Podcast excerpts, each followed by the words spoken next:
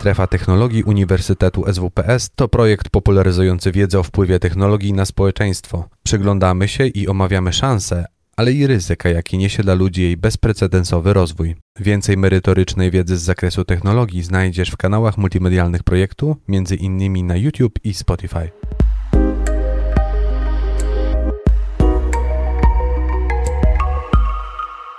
Dzień dobry, nazywam się Kuba Grzesiuk i witam Państwa na webinarze Strefy Technologii Uniwersytetu SWPS z cyklu Praca w IT. A dzisiaj będziemy rozmawiać o automatyzacji testów, e, innymi o tym, jaki jest ich cel, jakie są kryteria, czy też e, ogółem o, o umiejętnościach niezbędnych na, na takim stanowisku. E, moim i Państwa gościem jest dzisiaj Justyna Kałek, która może się pochwalić co najmniej dziesięcioletnim doświadczeniem w tym obszarze. Cześć Justyno.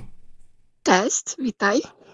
E, witam również e, wszystkie osoby, które oglądają nas e, online i jednocześnie bardzo zapraszam do, do zadawania pytań, bo przez cały czas webinaru obok okienka z wideo znajduje się też okienko czatu, gdzie mogą Państwo dyskutować, a także zadawać pytania, które potem ja w trakcie rozmowy będę przekazywać naszemu gościowi. Justyno, Mam takie e, pytanie do ciebie na, na rozgrzewkę, bo, bo pamiętam, że e, swojego czasu na e, portalach społecznościowych, głównie, głównie na LinkedInie, wrzała taka, taka dyskusja, czy to jest tester automatyzujący, czy też tester automatyczny. Jakie jest Twoje zdanie w tej kwestii?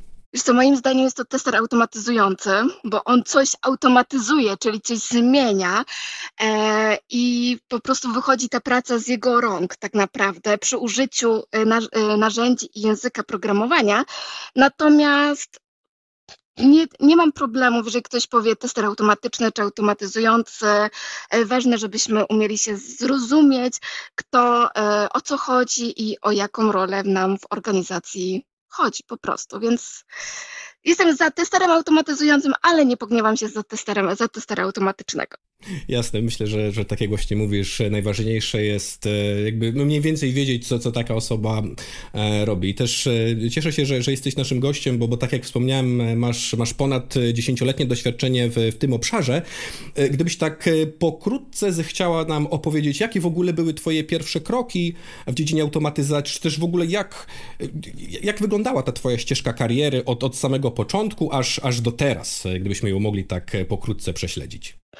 Jasne, wiesz co, bardzo to jest ciekawa historia, ponieważ ja bardzo często opowiadam, że ja nie jestem inżynierem, e, ale jestem osobą, która uwielbia procesy i tak naprawdę moja miłość do technologii się rozpoczęła na studiach, gdzie bardzo standardowy mechanizm mnie dopadł, czyli e, chęć rzucenia studiów na przedostatnim roku, co jest bardzo standardowym i znanym e, wszystkim e, objawem i jestem bardzo wdzięczna mojemu promotorowi, który właśnie jak usłyszał, że rzucam studia, to stwierdził, no dobra, to zawsze możesz rzucić, ale poczekaj, pomyślmy, co lubisz robić.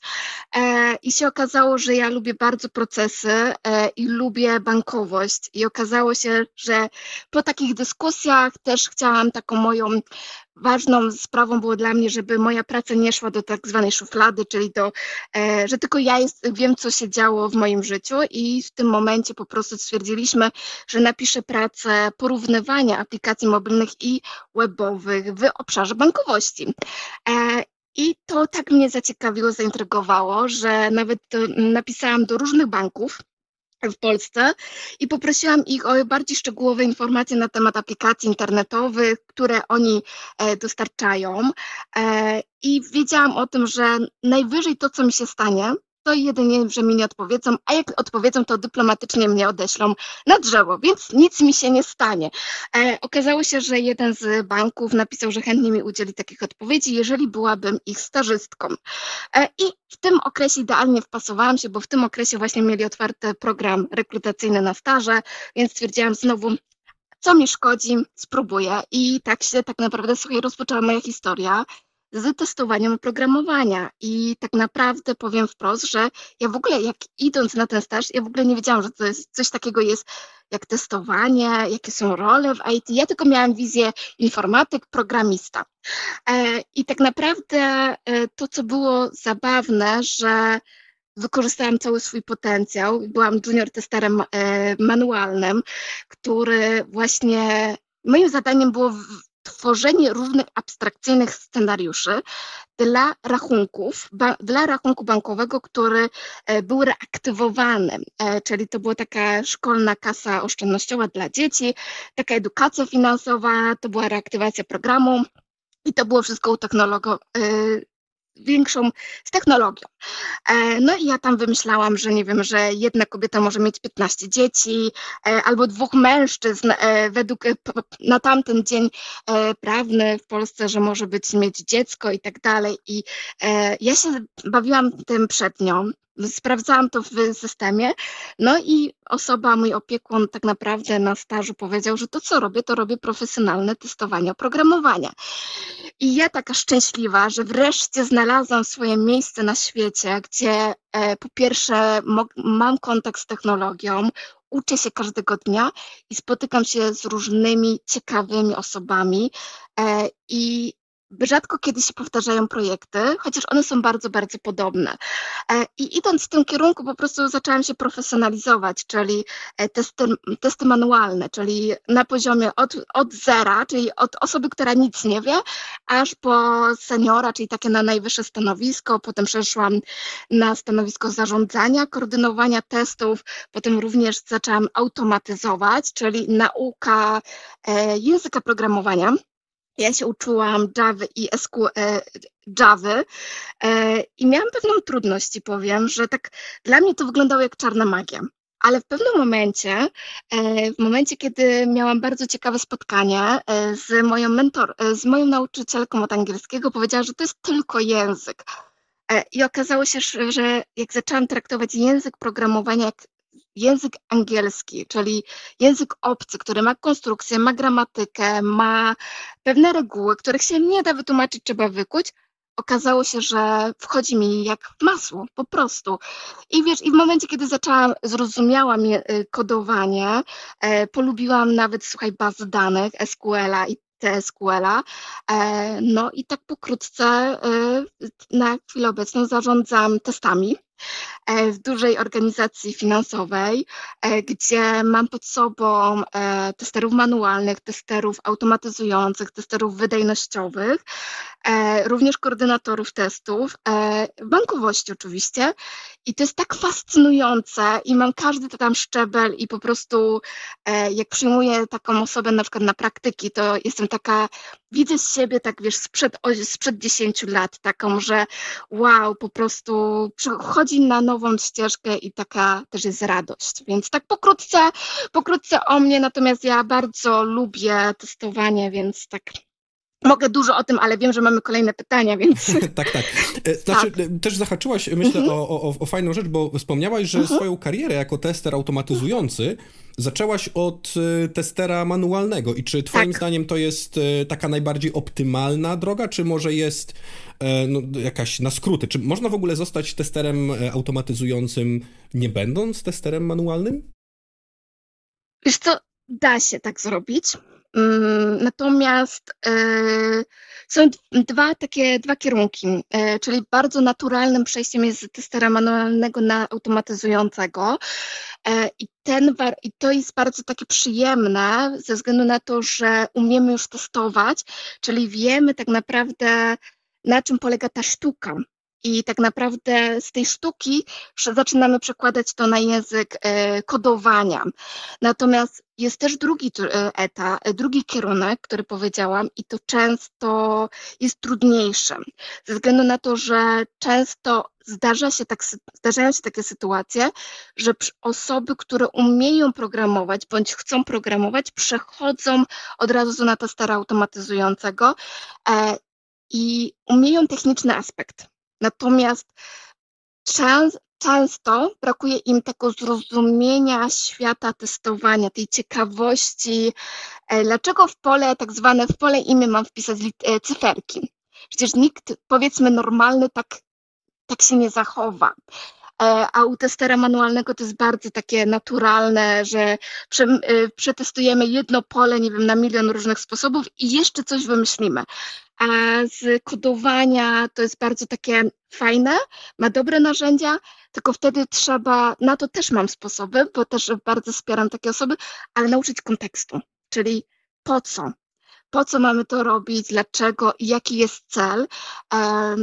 I też tu takie naturalne, to jak z Tobą rozmawiam, jest to, że osoba, która przechodzi z testowania manualnego na, automatyz- na testowanie automatyczne, czy automatyzujące, e, wie bardzo taką jedną rzecz, że wytwarzane oprogramowanie jest, ma cel i on ma służyć biznesowi, zazwyczaj, tak, biznesowi bądź e, osobie, e, osobie, firmie, czy też innym organizacjom do realizowania ich celów ich celów, zazwyczaj biznesowych, a e, i to jest takie bardzo naturalne. Natomiast osoby, które właśnie przychodzą z takiej bardzo technicznej ścieżki, ich fascynuje technologia, często zapominają, że oni nie tworzą technologii dla samych siebie, tylko tworzą to dla kogoś.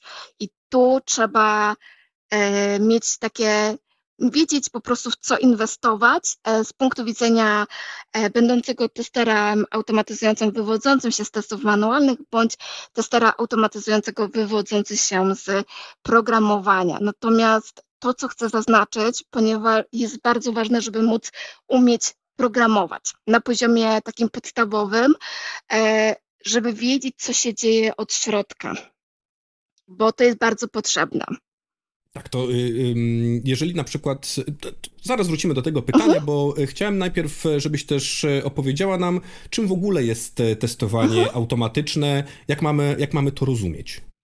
Czy testowanie automatyczne to jest tak naprawdę um, oddelego... Ja bym tak, ja użyła takiego sformułowania, że to jest oddelegowanie żmudnych, standardowych zachowań, które musisz wykonać w ramach testowania takiego manualnego e, maszynie. E, czyli przykładowo, jeżeli mamy przetestować, e, wprowadzić 50 razy coś w jedno pole, no to faktycznie jest to bardzo nużące. Natomiast możemy tą aktywność zaprogramować, czyli użyć linijek kodu, aby ta, ta rzecz była wykonywana za nas. E, I to jest taka weryfikacja, taka bar, to jest takie u, zautomatyzowanie, czyli usprawnienie i zwiększenie szybkości, wydajności, efektywności wykonywania testów manualnych, o ile, te, e, o ile dokonujemy mądrej automatyzacji. E, Okej, okay. to y, jakie, jakie są kryteria e, automatyzacji i, i, gdzieś idąc tym, tym tokiem uh mhm. myślenia, kiedy jest na przykład jednak lepiej pozostać przy takim e, testowaniu manualnym? Wiesz co, to ja powiem, kiedy warto coś zautomatyzować. Po pierwsze, takie nużące E, bardzo ważne e, funkcjonalności na tym, co tak naprawdę opiera się nasz biznes. Czyli przykładowo, jeżeli mamy sklep internetowy, no to naturalną rzeczą jest to, że każdy sklep internetowy chce, żeby wyświetla, żeby był, żeby był wyświetlany produkt, żeby móc go dodać, żeby móc dokonać zakupu. I to są takie kluczowe, takie bardzo potrzebne funkcjonalności dla działania, dla podstawowej działania tego sklepu. E, I to powinno być to realizowane automatycznie. Natomiast jeżeli są jakieś, e, przykładowo jakieś akcje promocyjne, to warto chociaż raz przetestować, czy na przykład po wprowadzeniu kodu robotowego faktycznie e, zmniejsza się ta kwota, czy też e, przykładowo nie. Czyli to, co nie warto automatyzować, czyli jednorazowych e, funkcjonalności albo rzadko wykorzystywanych funkcjonalności w systemie informatycznym, tak? Więc podsumowując, tak naprawdę testy automatyczne, to od razu z pewnością padnie za chwilę pytanie, czy można wszystko zautomatyzować. E, tak, jest, y, możliwość wszystkiego zautomatyzowania. E, nie wiem, czy e, do, końca, e, do końca świata się uda to wykonać, ale każdy śmiałek może się podjąć tego wyzwania. Natomiast e, to, co jest ważne, żeby zautomatyzować tak zwane testy regresji, czyli e, ja to nazywam, że czyli coś, co działało, czyli coś, co działa, i wprowadzamy coś nowego i sprawdzamy, czy to, co działało, wciąż e, działa, czyli takie testy regresji, które są bardzo potrzebne z punktu widzenia właśnie na przykład sklepu internetowego czy innych e, biznesów, ale drugą kwestią jest to, że na przykład potrzebujemy Przykładowo mamy sklep internetowy i jest tam obsługa produktu, czyli po dokonaniu, e, za, dokonaniu zakupu e, trzeba obsłużyć ten produkt. I to jest tak zwana obsługa posprzedażowa.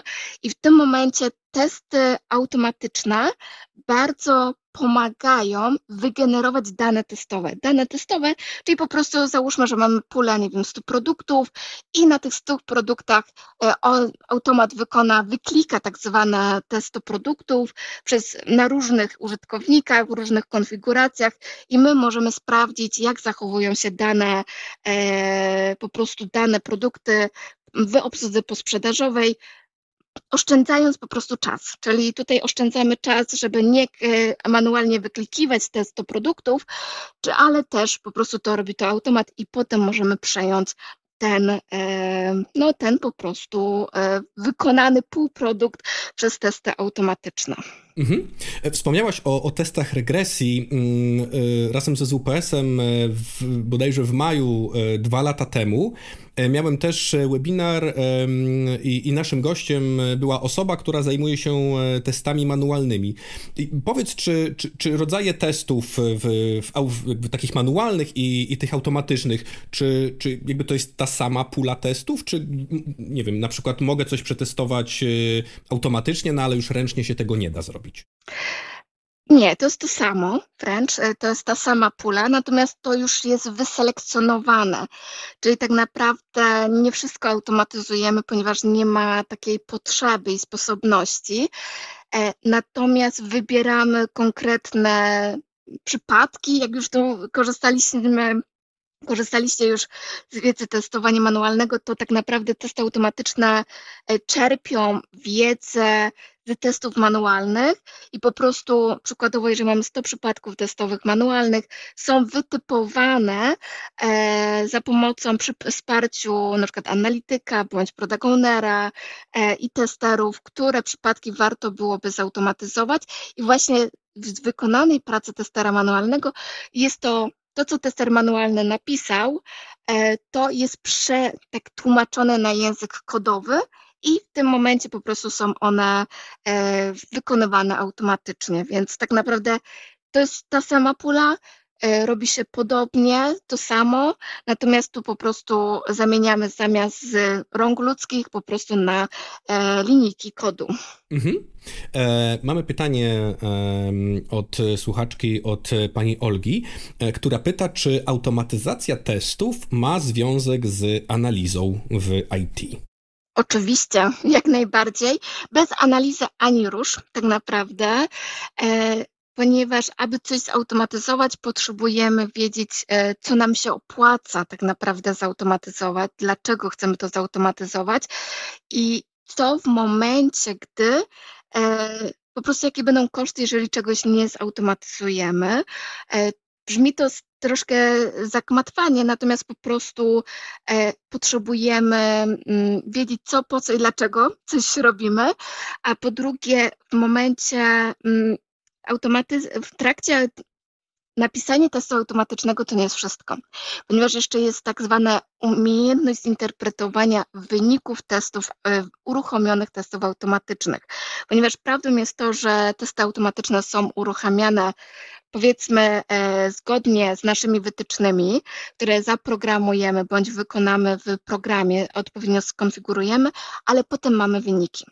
I nie każdy wynik e, testu, czyli test automatyczny, który zakończył się z wynikiem negatywnym, nie zawsze oznacza, że jest błąd w systemie, e, ponieważ to może być błąd faktycznie e, w systemie, że test automatyczny wykrył jakieś błędy. Drugą kwestią jest to, że środowisko, środowisko testowe, na którym zostaje wykonany ten test, uległo zmianie i coś po prostu nie działa, albo coś przestało działać i trzeba to po prostu się dowiedzieć, co się tam e, stało.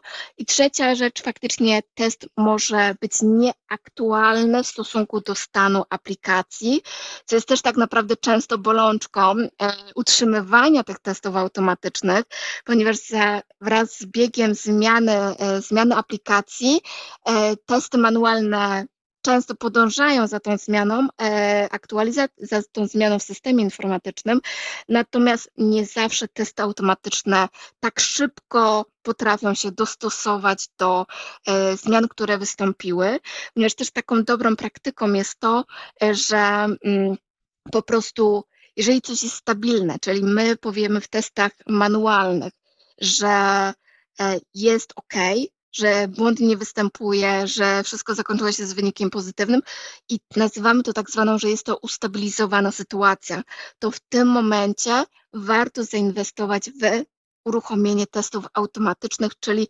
rozpoczęcie pisania kodu do już e, stabilnej aplikacji. Mhm. Dziękuję.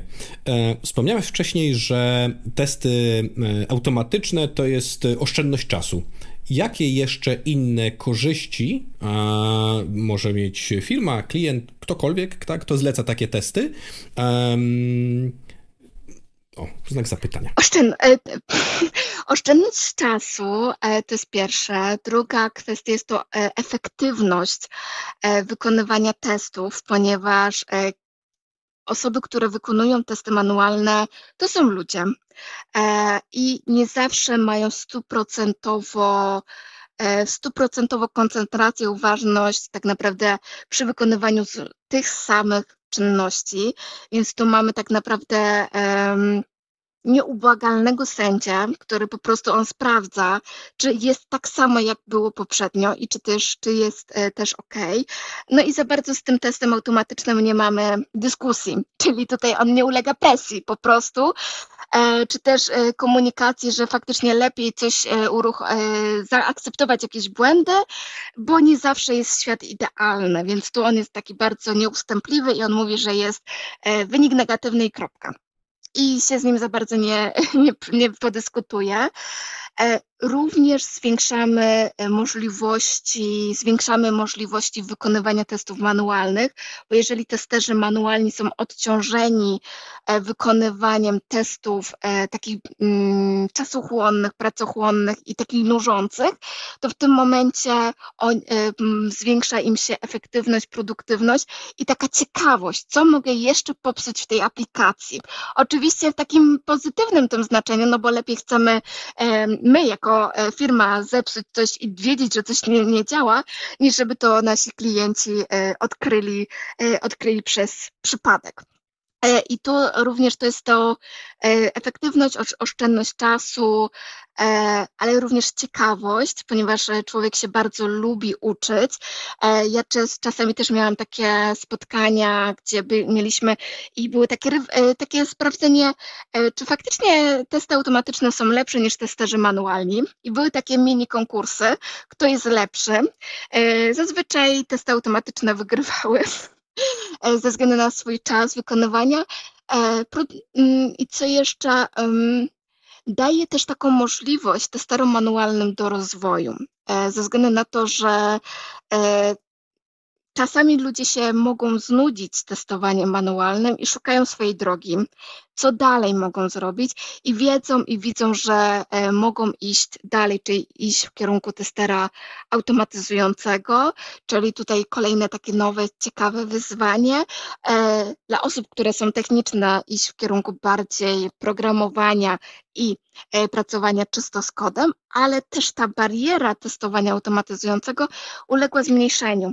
I są takie aplikacje, gdzie po prostu można tak zwane nagrywać, e, nagrywać testy, czyli po prostu wykonujemy, klikamy po stronie internetowej przykładowo i ten, ten system e, sam po prostu e, zmienia nasze kliknięcia na kod. Mhm. Więc to wszystko zależy. Mhm. mhm. A jaka jest nazwa tego oprogramowania? Tutaj może już tak e, też przyszłościowo e, co, dla, to... dla widzów. Mhm. Czy, czy to jest jakieś konkretne, czy jest e, kilka? Jest, jest kilka, jest, e, jest kilka i zazwyczaj takie, które ja znałam, mm, to one są często pisane po prostu e, na rzecz danej firmy, na rzecz danej organizacji. Bardzo e, tutaj można, takim znanym jest to Selenium IDE, które faktycznie ono już tak do, dogorywa, natomiast też są na przykład e, firmy, które właśnie dla własnych aplikacji e, tworzą takie swoje frameworki, czyli te aplikacje, które wspierają testerów do, do wyklikiwania tych, tych, tych testów. Mhm. Okej, okay, dziękuję. Pan Kamil E, pyta, mhm. jaka przyszłość czeka testerów e, w przestrzeni branży IT, zwłaszcza patrząc przez pryzmat AI. To jest zazwyczaj takie moje pytanie, które gdzieś się zadaję na samym końcu. Czy jest się mhm. czego obawiać, albo czy ty obawiasz się sztucznej inteligencji? E, jakie jest twoje zdanie na ten temat?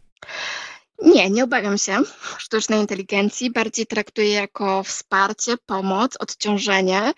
Jest to bardzo, jeżeli chodzi o AI, to to jest narzędzie, tak? Ja często mówię, że mamy, jak, mamy nóż. Możemy coś zrobić złego z tym nożem, a możemy zrobić coś bardzo dobrego, czyli posmarować sobie kanapkę ulubionym serkiem, tak naprawdę. Więc to wszystko zależy od użycia Natomiast to, co faktycznie jaka jest przyszłość, według mnie jest piękna przyszłość, jeżeli chodzi o kwestię testowania, ponieważ jesteśmy na takim etapie w świecie, jeżeli chodzi o technologię, że testowanie oprogramowania jest cenione, jest ważne e, i nie znam organizacji, która się szanuje i jest szanowana, która nie ma zbudowanych zespołów testów manualnych i, automaty, i automatyzujących. E, jakie będą zmniejsza się barierę do automatyzacji, w związku z czym powstają e, aplikacje low-code, czyli po prostu, żeby jak najmniej e, mieć umieć programować.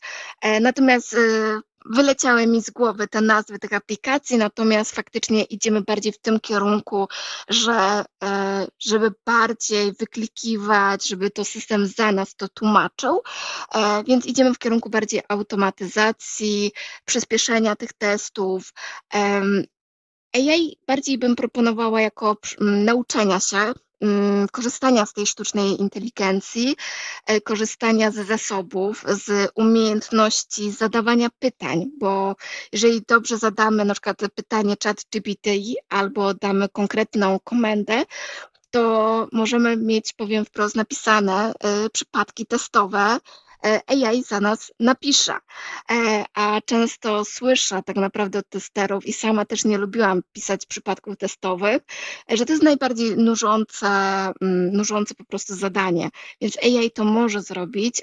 Nawet próbowaliśmy w mojej organizacji wykorzystać AI do właśnie do takiej nużącej pracy i faktycznie AI bardzo fajnie sobie poradził, tylko to, co była taka mała mała trudność polegająca na że wtedy nie, miała, nie miał dostępu do, czas, e, do danych w czasie rzeczywistym.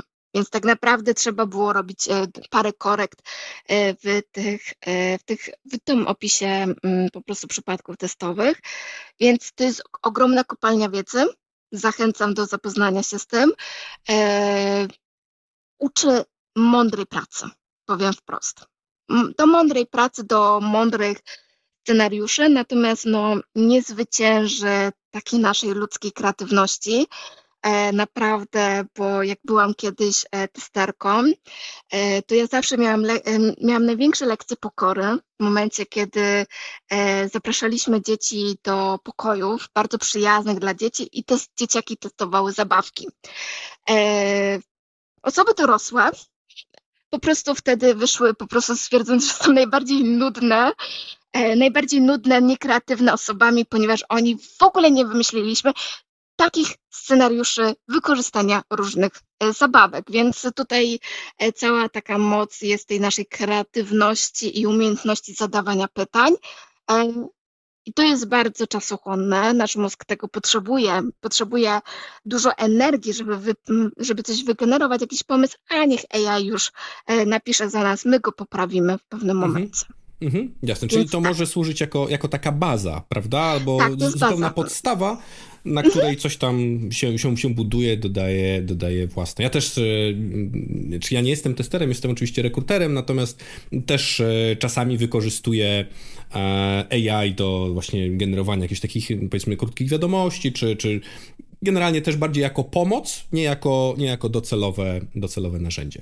Ale jest to wspaniałe, jest to wspaniałe narzędzie, tylko warto wiedzieć, co chcemy od niego, co od niego chcemy. Ja bardzo często to porównuję, że w sumie wszyscy jesteśmy szczęśliwi ze względu na to, idąc w Polsce na chodniku, że światła się nam uruchamiają, lampy się uruchamiają o konkretnej godzinie, a nie mamy e, pana czy pani, która wchodzi co słup i zapala nam tą świeczkę, tak? Bo różnie się zdarza, więc jak najbardziej e, jako pomoc. Jak już rozmawiamy o, o, różnych narzędziach, to powiedz, jakich ty narzędzi używasz e, w swojej codziennej pracy?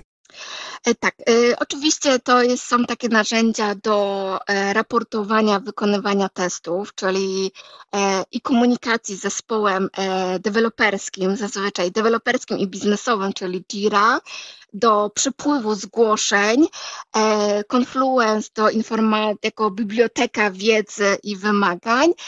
Natomiast jeżeli chodzi o takie narzędzia typowo takie do automatyzacji, no to korzystam z Browser Stacka, czyli e, mm, z takiej fajnej, to jest fajna taka aplikacja, która możemy wykorzystać do zobaczenia, jak dana strona internetowa wygląda, bądź jakaś aplikacja mobilna na jakimś konkretnym urządzeniu, e, czyli na naszym na przykład komputerze możemy się podłączyć e, do systemu na przykład Apple 15 i zobaczyć, jak na przykład nasz, nasz webinar wygląda w Apple 15 e, ale to jest właśnie bardzo takie, taki, taki symulator.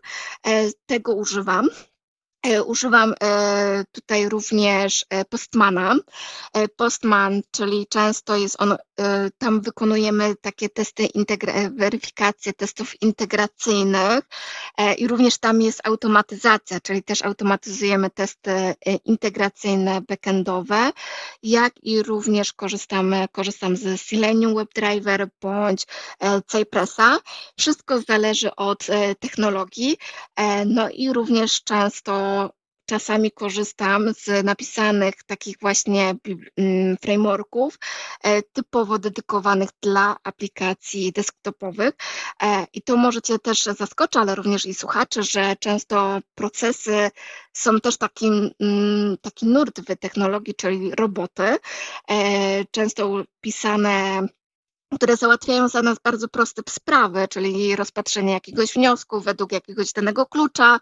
E, często jest używane do tego PGA bądź UiPath. To często my korzystamy w testach automatyzujących e, właśnie takie, te same narzędzia, jak e, są wykorzystywane do robotyzacji. E, przykładowo, jak mamy to połączenie aplikację webową z aplikacją desktopową, ponieważ to bardzo fajnie ze sobą e, współpracuje, więc, więc to jest bardzo takie przyjemne do korzystania. Mhm, dzięki. E, a pojawiło się słowo framework. Gdybyś nam przybliżyła, co to, mhm. co to jest? Tak naprawdę framework to jest taki, jest to, to są zestaw takich reguł, i bibliotek, które się korzysta w danym, e, w dan, dla danego po prostu oprogramowania. E, czyli ja to tak nazywam często, że to jest, są po prostu taki nasz szkielet, zasady, reguły, zasady dla danej aplikacji, w jaki sposób będziemy z niej korzystać i jak z niego po prostu jak korzystać z tego oprogramowania, jak go w nim pisać. No i często one są po prostu um, przypisywane do danych narzędzi. Przykładowo, jak powiedziałam, że mamy Jira, to jak chcemy, tam jest taki język e, wyszukiwania zgłoszeń, czyli wiesz, chcemy dowiedzieć się, e, że na przykład ja zgłosiłam jakieś zgłoszenia i chcę zobaczyć, e, jak długo one y, są u kogoś, jaki to jest czas, to często używam do tego wyszukiwania takiego języka JQL. JQL, czyli to jest taki napisany, to jest e, język Jiry do wyszukiwania po różnych parametrach danych zgłoszeń, ale on bardzo mocno bazuje na SQL-u, ale są minimalne różnice. I JQL przykładowo jest takim frameworkiem. Mhm. Dziękuję. Um, wcześniej też wspomniałaś, że, że jednym z takich wyzwań w pracy jako, jako tester automatyzujący jest to, że no, nagle pojawia się jakaś inna wersja aplikacji, no i wtedy te, te testy, które, które ty przygotowałaś, e, czy, czy tester przygotował, no to tak naprawdę już to nie jest spójne z tą, e, z tą wersją. E, jakie, jakie jeszcze są wyzwania w pracy jako, jako tester automatyzujący? Właśnie to środowisko, że to środowisko nie zawsze jest stabilne, nie zawsze je nadąża e, za produkcją i po prostu tutaj mamy, możemy mieć nie, mm, po prostu nie, e, nieaktywne środowisko, mogą być problemy. E, pęd dewelopowania tych aplikacji powoduje to często, że no nie mamy czasu e, aktualizować już e, istniejące testy, ponieważ potrzebujemy pisać nowe testy. E, no i również różne problemy, z wyzwania tak naprawdę z automatyzowaniem pewnych funkcjonalności, czy te, ponieważ nie zawsze, nie każdą funkcjonalność, nie każde działanie potrafimy zautomatyzować, potrzebujemy do tego wsparcia są ogromne społeczności, które właśnie wymieniają się e, swoimi opiniami i problemami, rozwiązaniami, jak coś zautomatyzować, e, ale również to, co jeszcze jest takie bardzo standardowe, to jest czas. E, czas i priorytety bo zazwyczaj chcemy mieć jak najszybciej, jak najwięcej zautomatyzowane, tylko to wszystko nas kosztuje i zazwyczaj mamy ten dylemat, czy utrzymuj, większy nacisk kładziemy na utrzymywanie testów e, automatycznych, czy na pisanie nowych testów automatycznych. Zwłaszcza, że mm, współczesny świat bardzo pędzi i ma takie założenia, że od 80 do 90% aplikacji powinno być zautomatyzowane, czyli testy, e, testy automatyczne powinny pokrywać ta, e, tą taką dużą połać tej aplikacji, a nie zawsze tak się da po prostu. Mhm. A jeżeli e, już rozmawiamy o w ogóle pisaniu testów, e, to, to ile, ile w ogóle zajmuje napisanie e, takiego testu automatycznego? Oj, powiem jak dobry polityk, ale nie lubię tego odpowiadać, to zależy. To zależy od doświadczenia danej osoby z testów jeżeli chodzi o doświadczenie w pisaniu, e, użytkowaniu języka programowania, z używania tego narzędzia, stabilności, e, stabilności aplikacji, środowiska testowego, licencji na te różne urządzenia, z narzędzi, których my korzystamy, ale generalnie może to trwać od 40 minut po tydzień czasu do dwóch. Chodzi o robocze oczywiście. Mm -hmm. Pan Jakub e, pyta, e, jakie języki programowania uważasz za przyszłościowe, czy też e, takie, które będą miały duże zapotrzebowanie na rynku w kontekście testowania automatycznego? Przede wszystkim według mnie, to ja tak odpowiem, że Java, mm, Python, C Sharp, Natomiast jeżeli ktoś szuka swojej drogi i chce rozpocząć, e, rozpocząć naukę programowania, to ja bardziej bym e, proponuję zazwyczaj sprawdzić samym ze sobą, e, jaki język mi najbardziej e, leży, e, który jest naj, dla mnie najbardziej taki zrozumiały, ponieważ ja jestem osobą, która lubi mieć porządek. Ja mam zazwyczaj jakiś plan tak zwany pięcioletni. Ja wiem, gdzie chcę iść, w którym kierunku i mam swoje wyznaczone jakieś pewne kamienie i ja już tak naprawdę nie ruszę się zazwyczaj z domu, powiem wprost, jeżeli nie mam planu, nawet na zakupy. E, I dla takich osób jest to, są to często języki obiektowe, czyli e, Java przykładowo, ponieważ w Javie e, trzeba mieć plan co, co chcemy zrobić, dlaczego, jak będziemy to nazywać, ponieważ na przykład jak nazwiemy jakąś klasę, nie wiem, e, małpka e, z małej literki, no to faktycznie jak będziemy chcieli coś zmienić i tą małpkę zmienić, nie wiem, na goryla, no to w tym momencie trzeba będzie zrobić refaktoryzację, czyli wszystko, bardzo dużo rzeczy napisać od nowa. Więc tutaj taki e, często podtypy osobowościowe proponuję. Natomiast Python jest taki, że nie trzeba mieć planu długoletniego, nie trzeba mieć e, wizji, e, co chcę, żeby ta e, aplikacja robiła, jakie ma mieć dostępy i tak dalej. Tu jest taka większa taka frywolność, dowolność. E, ja to bardzo często porównuję do e, opcji biurka. Oczywiście każda organizacja mówi, że zasada czystego biurka, ale dużo osób pracuje w domu i ma tą przyjemność korzystania z biurka tak jak chce. Więc jeżeli ma się porządek na biurku, bo, ale tego organizacja nie wymaga w swoim domu, no to bardziej obiektowa, a taki e, artystyczny nieład to zazwyczaj języki takie Python, e, w, takie, w takim kierunku bym szła. Jeżeli ktoś ma bardzo procesowe myślenie, to właśnie bardziej bym szła bardziej w da, bazy danych, e, bazy danych relacyjne bądź e, nierelacyjne, więc to Często, mm, często ja słyszę niektóre osoby, którymi ja zarządzam, mówią, wiesz co Justyna, to, to mi nie pasuje, a ja mówię, no a dlaczego? Coś, co jest, bo jest za trudne, a ja no tak, ale osoba, która uwielbia porządek, wchodzi do Pythona. Ja już, ja już wiem, że to nie, to nie jej bajka i jak zmieniamy e, język programowania, to w tym momencie się e, po prostu lubi ten język. Mhm.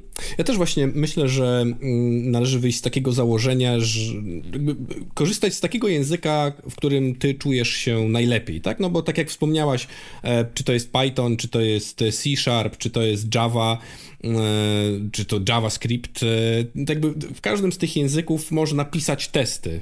Jakby są, są do tego odpowiednie programy, więc też w czym jakaś osoba czuje się dobrze, to, to tak, jak, e, tak, tak jak też zaznaczyłaś, to, to, to myślę, że właśnie w tym, w tym kierunku powinna, powinna iść. Nic na siłę.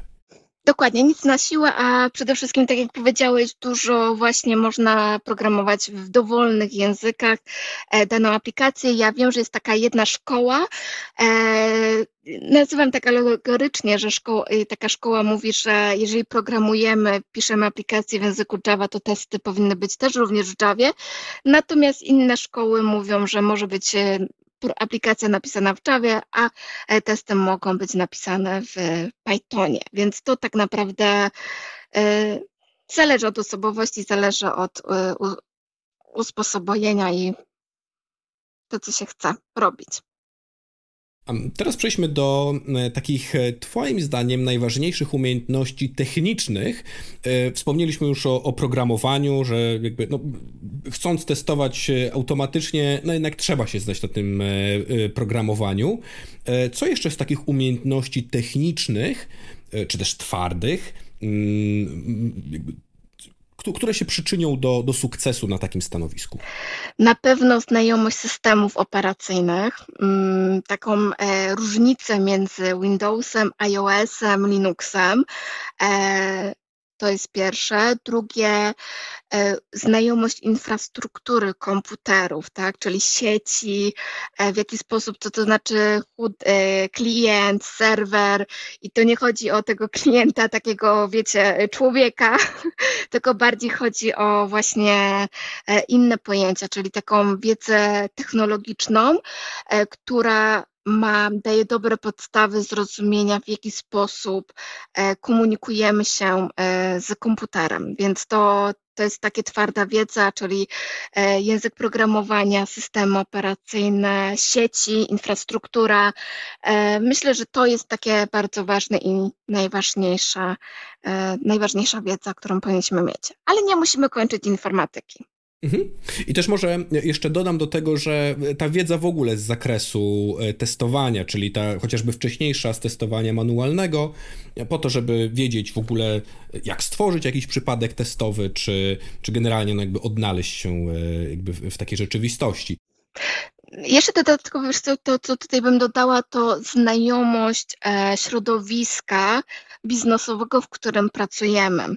Ponieważ jeżeli pracujemy e, w nowoczesnym software house, który wytwarza oprogramowanie na przykład gamingowe, to absolutnie będzie bardzo pożądana wiedza e, osoby, która zna branżę gamingową, może gra nawet w niektóre gry i wie, co jest takiego ważnego z punktu widzenia gracza, albo co jest bardzo ważnego z punktu widzenia e, firmy, która wytwarza oprogramowanie. Te. Więc to jest taka duża, duża, duża, duży atut, jeżeli chodzi o kwestię testowania oprogramowania, ponieważ na przykład wiemy, że na przykład niektóre, e, niektóre organizacje, często państwowe, na przykład zagraniczne, e, mają systemy, czyli system centralny, taki wiecie, mózg, e, napisany naprawdę w języku COBOL. I trzeba ten, i to jest najważniejszy system, i przepisanie tego systemu jeszcze się nie opłaca przepisać tego systemu na nowocześniejszy język bo to są miliardy, jak nie biliony dolarów e, do, e, do wykonania, więc trzeba wie, mieć umiejętność zrozumienia, że na przykład były takie prehistoryczne języki jak Pascal, COBOL i jak to się łączy z Java na przykład, albo jak z Pythonem. I że często tutaj mamy jakieś takie e, połączenia, dziwne, różne, różne systemy wydmuszki, które mm, z punktu widzenia biznesowego absolutnie nie ma znaczenia, ale z, z punktu widzenia technologicznego jak najbardziej, więc um, to jest bardzo też ważna ta wiedza taka też biznesowa, ale też taka historia programowania i też taka akceptacja, że e, bardzo często spotykam się z osobami, które wchodzą dopiero na ten rynek.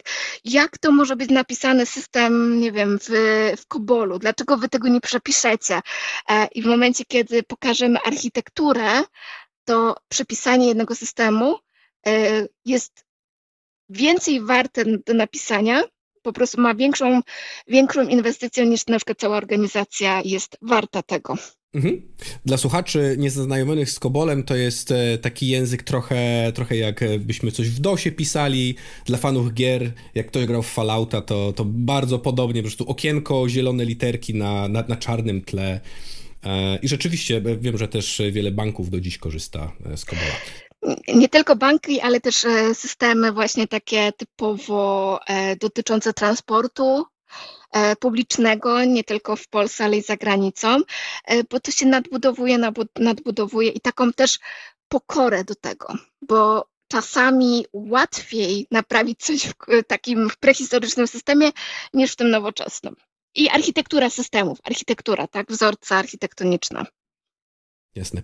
E, rozmawialiśmy też chwilę o umiejętnościach e, miękkich, chociażby podałaś przykład, e, kiedy, kiedy to dzieci bawiły się zabawkami, trochę takie myślenie abstrakcyjne, tak jak też, nie wpisanie w polu imię, nazwisko, jakichś cyfr.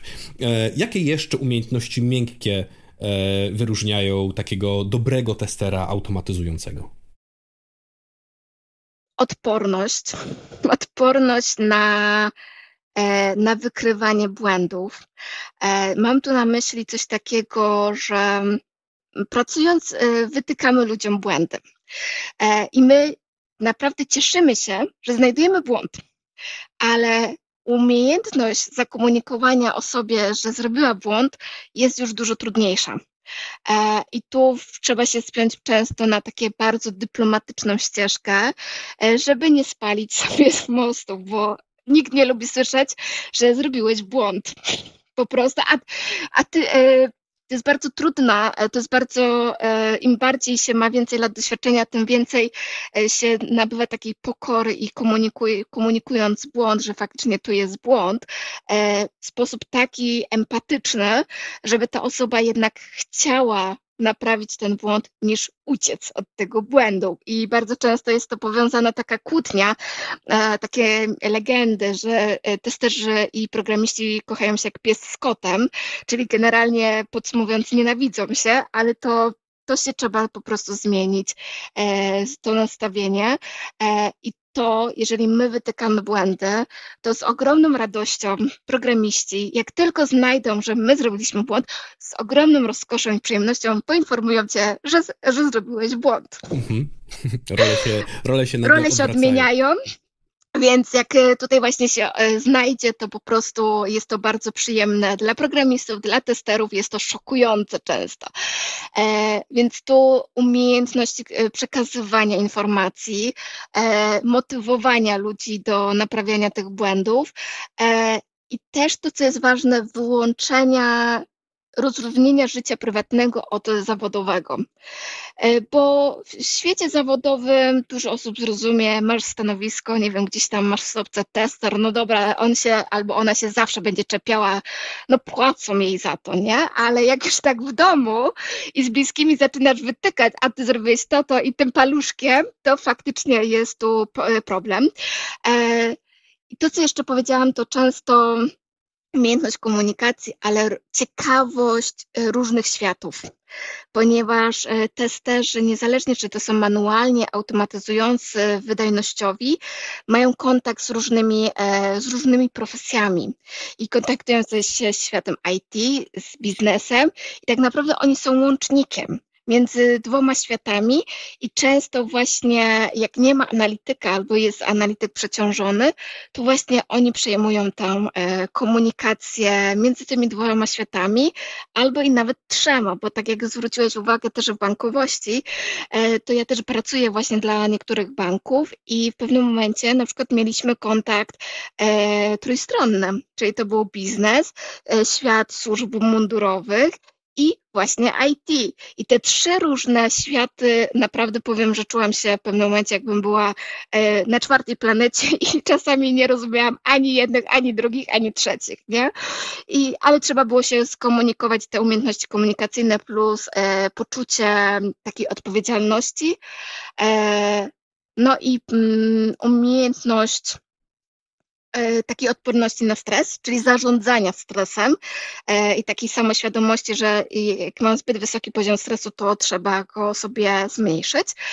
E, I ostatnią rzecz, którą mm, powiedziałam, bym powiedziała, to jest ciekawość, ale takie szukanie różnic. I często niektórzy moi pracownicy patrzą na mnie, e, jak w międzyczasie w tak zwanej przerwie na kawę mam taką kolorowankę, nie taką kolorowankę, ale książeczkę dla dzieci i tam jest poszukaj różnic. Ja często po prostu raz w tygodniu biorę sobie te dwa obrazki różne i szukam, e, bo e, zmagam swoją ciekawość, dociekliwość i wyszukiwania daje impulsy mojemu mózgowi, że szukaj różnic. Mhm. Bardzo, Chociaż to jest zabawne. Ba bardzo, bardzo ciekawe. Szczerze mhm. mówiąc, jeszcze się z tym nie spotkałem, ale, ale rzeczywiście to, to e, jeżeli działa u ciebie, no to. to u mnie tak działa, działa. U mnie działa. U mnie działa. Dokładnie. A powiedz, e, e, proszę, też już e, mniej więcej to padło na początku, jak w ogóle wyglądała ta, ta Twoja ścieżka, jak Ty zaczynałaś swoją. Czy czy, czy nie wiem, czy miałabyś jakąś radę, jak w ogóle zacząć e, naukę testowania e, automatycznego? To, co ja bym zawsze radzę, czyli e, jeżeli jesteśmy, jesteśmy testerami manualnymi, to jeżeli po, um, idziemy z tego pułapu, to zacząć się uczyć programować e, i następnie próbować to zaimplementować do swojej pracy codziennej. Często jest taka klątwa i to nie jest takie modne na rynku właśnie, bo jest jeszcze między testerem manualnym a testerem automatyzującym jest mm, przejścia. I to się nazywa tester techniczny, czyli jest to osoba, która umie wykorzystywać narzędzia, korzysta z tych narzędzi e, low-codowych, czyli gdzie nie musi pisać e, kodu e, od zera, tylko system go wspiera i on to rozumie. I to tutaj właśnie, e, właśnie przejście sobie na tego testera technicznego, a potem na automatyzującego. Automat, tester automatyzujący mam na myśli, że jakbym komuś dała czystą białą kartkę i bym da, napisała mu przypadek testowy, e, to by on mi przeniósł na język e, programowania. To jest taka moja definicja testera automatyzującego. Natomiast jeżeli jesteśmy właśnie osobami, które umiemy programować, zaczęłabym się interesować światem biznesu. Czyli jeżeli e, pracuję właśnie w bankowości, to ja bym się zaczęła troszkę doszkalać, doucza, douczyć, na czym polega w ogóle bankowość, czym oni się tak naprawdę zajmują e, i wyjścia poza schematem tego, jeżeli chodzi o kwestię e, pisania kodu. Natomiast osoby, które um, zastanawiają się um, i pełnią inną profesję, e, to ja zachęcam pójścia pełną drogą, nie, nie skrótami, e, czyli po prostu wejścia, e, rozpoczęcia pracy jako tester manualny i z tego testera manualnego przejść na testera technicznego i automatyzującego. Brzmi to strasznie, natomiast to mm, znam parę takich osób, które w ciągu dwóch lat e, przeszły z testera manualnego na automatyzującego, nie mając po prostu tutaj doświadczenia wytestowania oprogramowania. Mhm. Ponieważ w branży jesteś już 10 e, lat i e, tak jak e, też wydaje mi się, że to jest taka dość wiedza ogólna, że rzeczywiście wszystko idzie bardzo szybko do przodu, jest bardzo tak. dużo zmian. Z twojej perspektywy jakieś takie najważniejsze zmiany w od takich ostatnich pięciu latach w takim środowisku testowania automatycznego, to generalnie jakie były i też jak widzisz to w przyszłości? Wspomnieliśmy też trochę o AI, że, że trochę będzie nam tu pomagać, natomiast e, czy, czy, czy, czy coś innego być może czai się za rogiem? E, na pewno zwiększenie znaczenia testowania, e, zwiększenie znaczenia, e, zmniejszanie progu wejścia do testowania automatycznego, czyli tutaj te platformy, o których powiedziałam. Coraz większy jest wysyp różnych narzędzi, które wspierają nas w wytestowaniu automatycznym, więc tu jest naprawdę, powiem tak, jest od sasa do lasa. I patrząc na te pięć lat, tak naprawdę próg wejścia teraz kontra 5 lat temu jest dużo łatwiejsze e, i dużo jest więcej wiedzy ogólnodostępnej, zarówno darmowej, e, jak i finansowej. Trzeba zainwestować odpowiednie finanse, więc jest to, co mam, mogę porównać, po prostu jest e, zmniejszenie progu wejścia na stanowisko testera automatyzującego, to, co jest niezmienne, to trzeba dużo zainwestować swojego czasu, cierpliwości i wytrwałości w, e, no, w dojściu na, ten, e, dojściu na to stanowisko. Mhm. A czy są jakieś e, certyfikaty, które są szczególnie cenione w takim środowisku testerów? Nie ma. Zazwyczaj są to te takie te z nami teraz jest właśnie ISTQB Test Automation, czyli to jest taka certyfikacja.